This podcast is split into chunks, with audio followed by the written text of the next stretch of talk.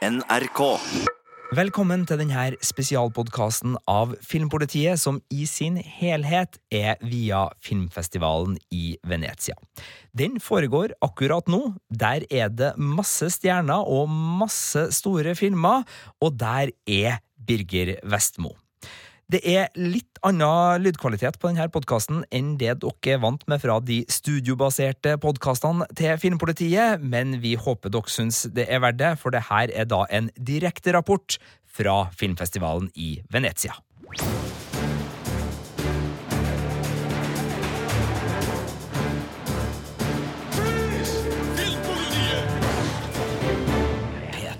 Med direkte fra den 76. filmfestivalen i Venezia, Birger Vestmo, eh, hvordan har du det på filmfestival?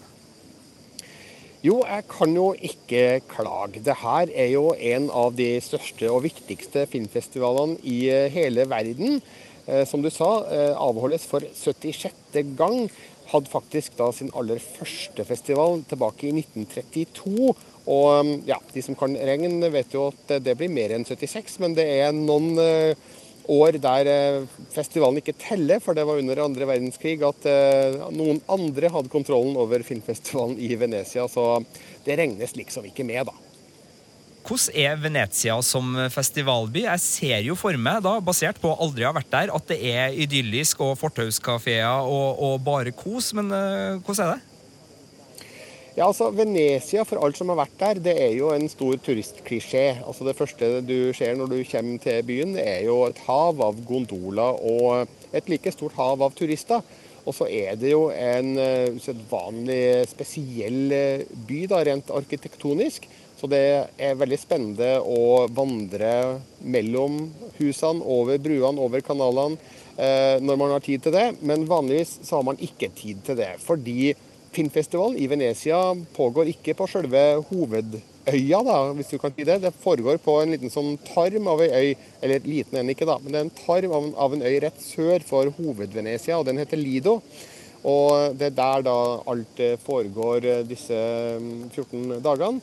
I eh, Palazzo del Casino og Palazzo del Cinema, som ligger side om side da, her på Lido.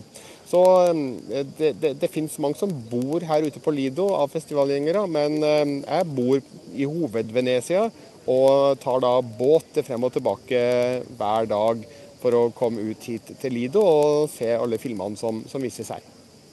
Venezia har jo de siste årene blitt en uh, filmfestival som oppleves, i hvert fall for oss uh, her i Norge, som, som viktigere og viktigere. Uh, kan du si litt om, om statusen til Venezia sånn som det er nå? Ja, den står sterkere enn noen gang. Eh, og antall publikum og presse har bare økt og økt de siste åra. Og mye av årsaken til det er at Hollywood eh, har for alvor eh, oppdaga Venezia som et ypperlig startsted for Oscarsesongen. I løpet av de siste seks årene så har flere av filmene som har hatt premiere her, gått hen og vunnet store Oscar-priser senere, til og med for beste film. Altså Gravity, Birdman, Spotlight, La La Land, The Shape of Water og Roma eh, har hatt premiere her. Og eh, i fjor så var hele 39 av eh, Oscar-nominasjonene eh, for filmer som eh, hadde sin urpremiere her i eh, Venezia. Jeg snakka altså nå om årets Oscar-utdeling for fjorårets filmer.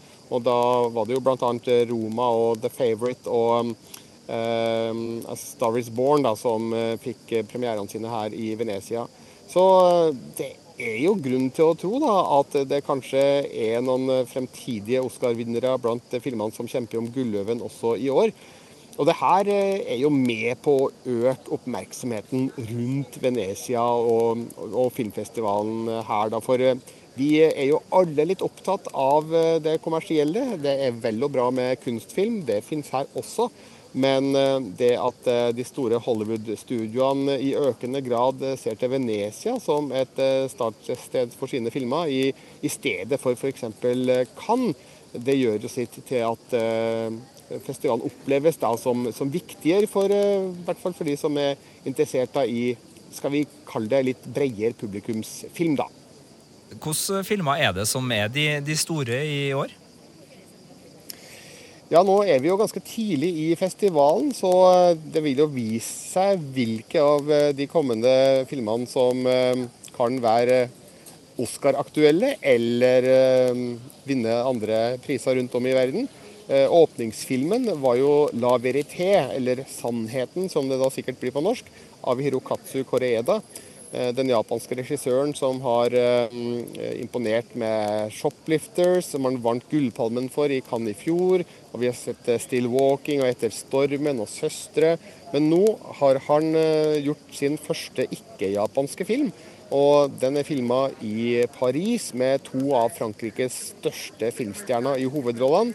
Nemlig legenden Catherine Deneuve og ja, ikke fullt nybegynner hun heller, Juliette Binoche. Og det var helt herlig å se de to stjernene i eh, samspill eh, i en film som handler om en gammel filmstjerne, spilt av den gamle filmstjernen Catherine Deneuve, som er i ferd med å utgi sine memoarer. Og I den anledning kommer da dattera Lumir, spilt av Juliette Binoche, på besøk fra New York med sin ektemann, spilt av Ethan Hawke, og deres eh, datter. Det blir jo da en gjenforening, det her, men så dukker det ganske straks opp noen eh, floker som eh, vekker minner fra fortida som eh, ja, de ikke helt har gjort opp. Og det blir en konfrontasjon mellom mor og datter, samtidig som mora spiller inn en film som også omhandler et mor-datter-forhold, som i en viss grad gjenspeiler forholdet Fabienne har til sin egen datter Lumir. Og eh, det er en nydelig liten film som er full av Hirokatsu Koredas eh, sedvanlige lune humor og sjarm og observasjoner rundt eh, Vi kan vel kalle det det hverdagslige, sjøl om disse figurene da opererer i et filmmiljø som er kanskje fremmed for de fleste av oss.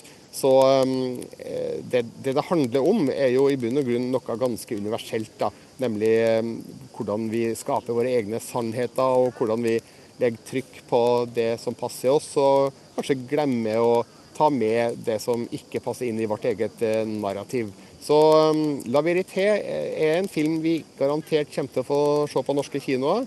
Det er ikke helt klart enda hvilken distributør som eventuelt kjøper den, men jeg regner det som ganske sikkert at vi får se denne filmen. For Hirokatsu Koreda har mange norske fans, og det har også Catherine Deneuve og Juliette Binoche.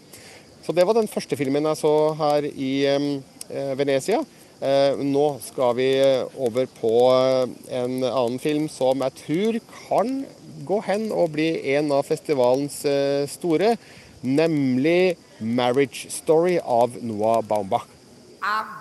What I love about Nicole. She's a great dancer. Infectious.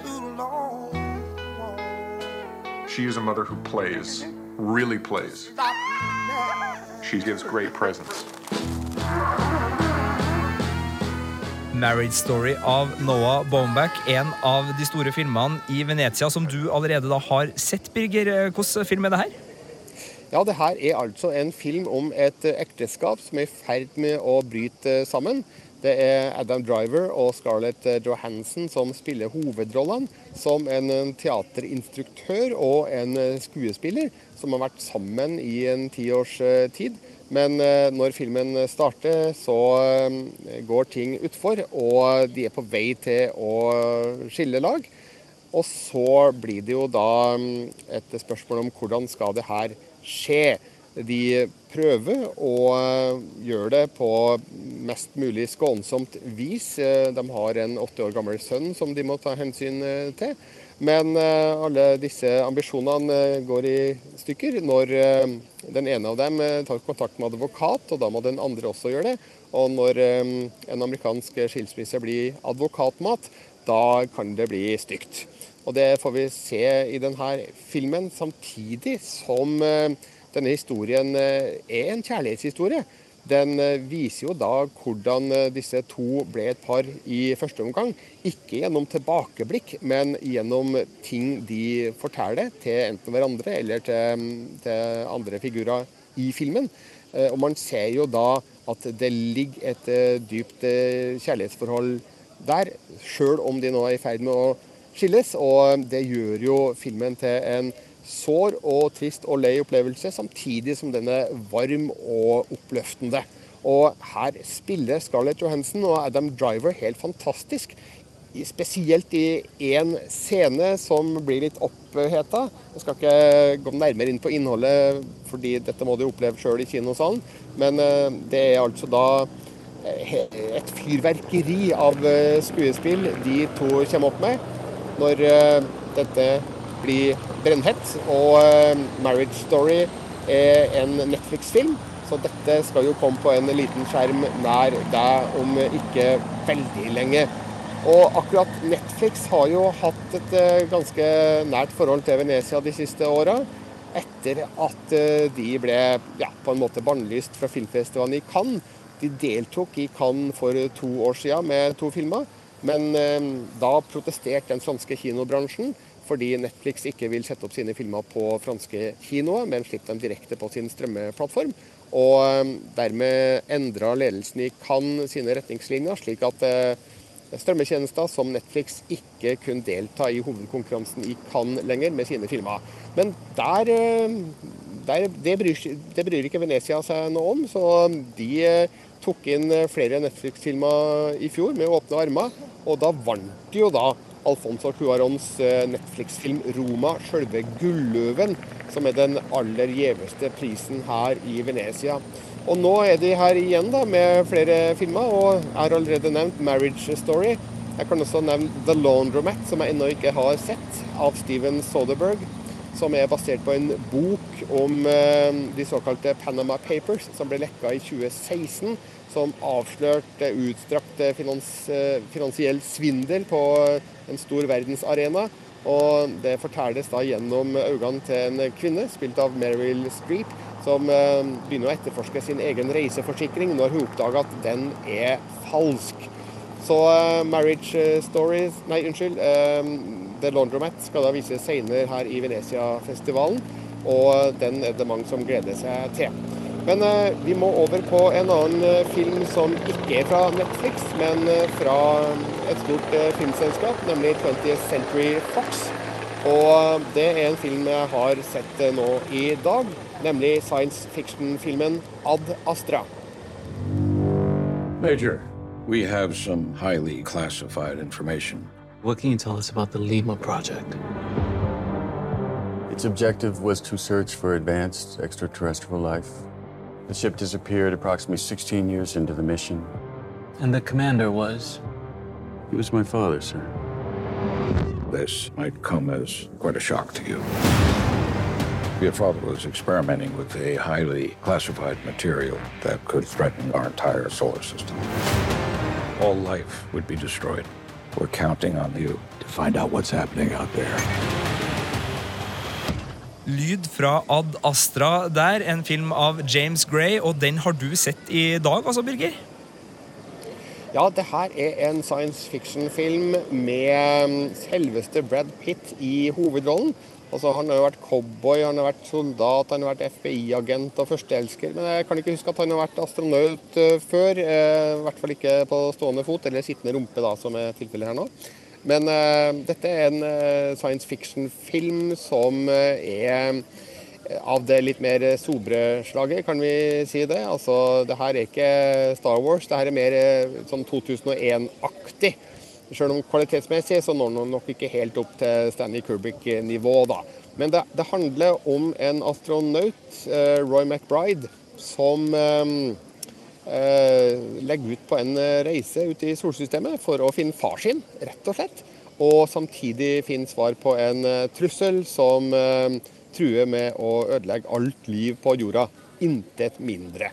Så det er, en, det er en film som byr på mange fantastiske visuelle eh, scener, der fotografen Hoite van Hoitema har eh, slått til med noen virkelig lekre eh, bilder fra verdensrommet. Dvs. Si, han har nok ikke vært ute i verdensrommet, men i hvert fall har han vært deltakende til at denne filmen ser vanvittig flott og lekker ut. Eh, og så eh, er det nok ting eh, med filmen som jeg ikke er så imponert over. Og litt av det har med Brad Pitt å gjøre. Og nå skal jeg ile til å si at jeg elsker Brad Pitt, har hatt mye glede av han i mange forskjellige filmer. Men jeg føler at han er litt feil i rollen, rett og slett. Og det høres kanskje rart ut, for ja, jeg skjønner jo at alle regissører drømmer om å få Brad Pitt med i filmen, for det vil jo sikre bred oppmerksomhet og ja, deltakelse på en filmfestival i Venezia f.eks. Men uh, han overbeviser meg ikke helt som astronaut. Uh, Brad Pitt er for kul til å være astronaut. Hvis du har sett astronauter uh, på ordentlig, så det, det er ganske streite, kjedelige folk. og Brad Pitt er ikke streit og kjedelig, så han har rett og slett han har ikke utseendet med seg. og Han er jo en usedvanlig kjekk mann, men er da rett og slett Han, han er for kjekk til å være astronaut. Du driver og lager overskrifter nå, Birger? Ja, jeg gjør kanskje det. Jeg vil beklage det. Men eh, rollen som Roy McBride eh, har også noen utfordringer som Brad Pitt kanskje ikke er i stand til å levere på. Han, han er en flink skuespiller på det han er flink på, men eh, de store følelsesutbruddene er kanskje ikke Brad Pitts eh, største kvalitet. Eh, her handler det mye om å prøve å holde følelsene inne, for Roy McBride er en uh, figur som uh, har laget, Han har bygga barrierer rundt seg. Og Da handler det om å prøve å undertrykke følelser, som òg er litt av en uh, kunst da, for en skuespiller. Og Jeg skal ikke si at Brad Pitt gjør seg bort i Ad Astra, men jeg tenker jo at en skuespiller av et litt om ikke høyere kaliber, så av et litt annet kaliber, kanskje hadde takla den delen av eh, filmen litt eh, bedre. Og så har eh, regissør James Gray begått en kardinalfeil. Han har lagt på en fortellerstemme der Brad Pitt forteller hvordan figuren hans tenker, og mate det inn med teskje. Og det føler jeg er helt unødvendig. Det er jo nesten sånn filmens ABC. det. Ikke bruk fortellerstemme. Så her tenker jeg at uh, Ad Astra kunne ha blitt en bedre film hvis de hadde kutta denne fortellerstemmen. Og så er det helt tydelig i filmen at uh, her har det gått for seg i klippen, for uh, både Ruth Negga og Liv Tyler spiller biroller her, som jeg ikke kan forstå annet enn må ha blitt nedklipt kraftig etter innspillinga. For jeg tror nesten ikke på at de hadde tatt de rollene, hvis eh, rollene deres virkelig var så bitte, bitte, bitte små som de da er i Ad Astra. Så venter spent da på James Grays eh, Directors Cut, eh, hvis den kommer på Blu-ray en gang. For jeg føler at det ligger mer å vake under overflata i filmen enn det vi, vi får se. Så kan man jo mene hva man vil da, om eh, det at James Gray låner uhemma fra andre filmer. Altså, Selve åpningsbildet gir jo sterke assosiasjoner til HAL 9000 fra 2001. Du vet det røde lyset som kommer ut av eh, det, den, den, runde sfæren som eh, er i senter av halv 9000 rundt omkring på romskipet Jupiter. Eh, men eh, ja, det er jo greit å låne fra her og der, bare man er åpen på det. Og det har vel regissør James Gray vært. Men eh, jeg føler at han låner litt for åpenlyst uten å tilføre noe stort og vesentlig sjøl. Så Ad Astra ble en litt sånn midt på treet-opplevelse for meg. Altså, når vi spiller inn det her, så har jeg fremdeles ikke skrevet anmeldelsen min, så det her er virkelig mine førsteinntrykk. Eh, men eh, jeg skal tenke litt, og så skal jeg prøve å artikulere det på best mulig vis da, hva jeg syns er filmens eh, styrker og svakheter. Men jeg må vel innrømme at Ad Astra var en liten skuffelse da ut ifra de forventningene jeg hadde på forhånd. Jeg tviler vel på at at Astra kommer til å hevde seg i eh, Gulløvekampen, i hvert fall da når de prisene skal deles ut om ca. en ukes eh, tid. Kjapt spørsmål. det var de tre filmene. Ja, jeg har et kjapt spørsmål angående eh, to andre skuespillere som er med her. fordi Tommy Lee Jones og Donald Sutherland er også med på rollelista. Ser jeg, Spiller de to astronauter? Eh, for så vidt så gjør de vel eh, det. Nå er de jo gamle, og pensjonsalderen innhenter vel også astronauter i fremtida vil jeg tro. Men jeg tror ikke jeg skal avsløre mer om hvem og hva de, de spiller. Men de, de, er med og er jo garva veteraner som som gir eh, filmen en eh, viss eh, tyngde da, gjennom å bare være på lerretet sammen med Brad Pitt. Det er helt riktig. Ja, og Filmen vi skulle fram til her, var selvfølgelig Space Cowboys, der begge to også spilte astronauter. Så vidt jeg husker, vet ikke om du husker den perlen fra 2000, Birger? Det hadde jeg glemt, at de var med der. Jeg husker jo selvfølgelig at Clint Eastwood var med. Han uh, hadde vel også regien på Space Cowboys. Men uh, ja, de har vært oppe i verdensrommet før, det kan vi si. Den er god. Eh, du får 100 poeng for Clint Eastwood. Det var helt riktig, Birger. Men det er filmer du allerede har sett. Hvilke filmer er det du gleder deg til framover nå? Ja, Det er jo 21 filmer på programmet i det offisielle Gulløve-programmet her i Venezia. og eh, Jeg kan ikke nevne alle, men en av de jeg ser aller mest frem til, er The Laundromat av Steven Soderberg. Og Det er da en av Netflix-filmene som vises her. og eh, Der spiller da storheter som Meryl Streep, Gary Oldman og Antonio Banderas eh, de viktigste rollene. Jeg sa vel da at uh, dette er basert på uh, Panama Papers, altså rettere sagt basert på boka 'Secrecy World Inside the Panama Papers Investigation of Illicit Money Networks and the Global Elite'. En utrolig lang tittel. Skrevet av Jake eh, Bernstein, som er mm, en såkalt investigative journalist. Og jeg har jo da skildra hva den skal handle om tidligere, så vi går ikke nærmere inn på det. Jeg er superspent på 'Joker' av Todd Phillips. Og det er jo da filmen der Joaquin Phoenix spiller jokeren fra Batman-universet. Og det her skal være en såkalt opprinnelseshistorie, der vi får se hvordan jokeren ble til. Og den siste traileren som nå ligger ute på YouTube, avslører jo at eh, figuren heter Arthur Fleck. Og eh, han eh, sliter med å finne sin plass i Gotham City. Han jobber som eh, klovn på dagen, men på kvelden så prøver han å slå gjennom som standup-komiker. Og en dag så tar han en fatal avgjørelse som setter i gang en kjede av vonde hendelser. Eh, og det her er et veldig eh, kort og kanskje vagt synopsis, men jeg har valgt å ikke se den siste traileren. Jeg har valgt å ikke prøve å lese så mye om filmen, for dette er en film jeg gleder meg såpass mye til at jeg jeg vil helst ikke få avslørt eh, noe som helst egentlig da før jeg skal se den om få dager her i eh, Venezia. Men eh, det ryktes at Joaquin Phoenix gjør en fantastisk god rolle som jokeren, eller Arthur Fleck, da. Jeg vet ikke hvem som har satt ut de ryktene, det er vel ingen som har sett filmen ennå, så det er kanskje ja, Joaquin Phoenix sjøl, eller kanskje filmselskapet.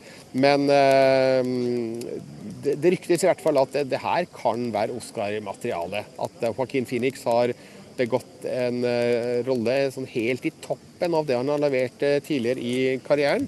Og Hvis det viser seg å være sant, så er det klart at Joker er en film å se opp for. Jeg vil også da nevne et knippe andre filmer som skal vises her veldig kort til slutt nemlig Roman Polanskis eh, eller 'An Officer and a Spy', som er den engelske tittelen. Eh, det at Roman Polanski deltar her i Venezia, har falt noen eh, tungt for brystet, spesielt amerikanske medier. Han er jo da etterlyst av amerikanske myndigheter etter at han medgikk og har hatt sex med en mindreårig jente på starten av 1970-tallet. Eh, han eh, har jo da aldri vært tilbake i USA etter det. og eh, man tenker jo da at Venezia omfavner Roman Polanski på en utilbørlig måte da, ved å gi han innslipp i det offisielle programmet med sin siste film. Men så skal vi huske at jeg tenker Roman Polanski er 86 år. Han har vunnet Oscar, han har vunnet Gullpalme, han har vunnet Gullbjørn, han har vunnet det meste av det meste og har en fantastisk karriere bak seg.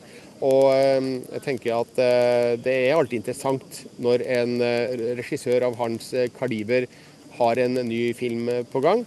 Så jeg må si jeg gleder meg til 'An Officer and a Spy' når den vises her. Eh, Oliver, Olivier Assayas er også her med en ny film som heter Wasp Network. Eh, Nate Parker, som også er en kontroversiell figur sånn i metoo-sammenheng, han er her med American Skin. Eh, Pablo Lorain fra Chile er her med Ema, og så er det enda en Netflix-film som heter The King, der Timothy Chalamet spiller hovedrollen. Du vet han fra Call Me By Your Name. Eh, så det er mye å glede seg til her på filmfestivalen i Venezia, som avsluttes med 'Waiting for the Barbarians'. Eh, der eh, Mark Rylance, Johnny Depp og Robert Pattinson spiller hovedrollene.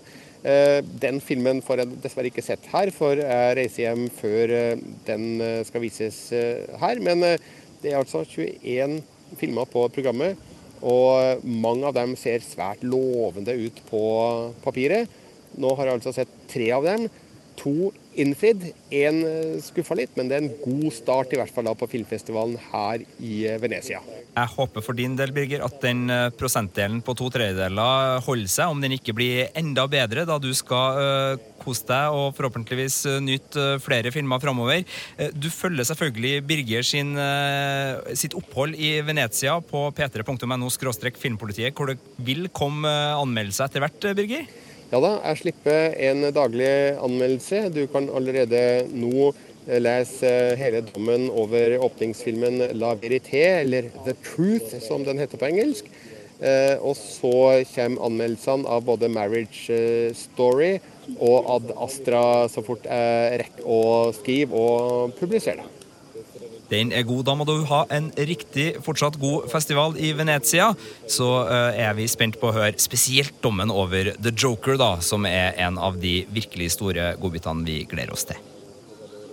Ja, Det blir full rapport i neste ukes eh, podkast og i Filmpolitiet neste søndag på P3.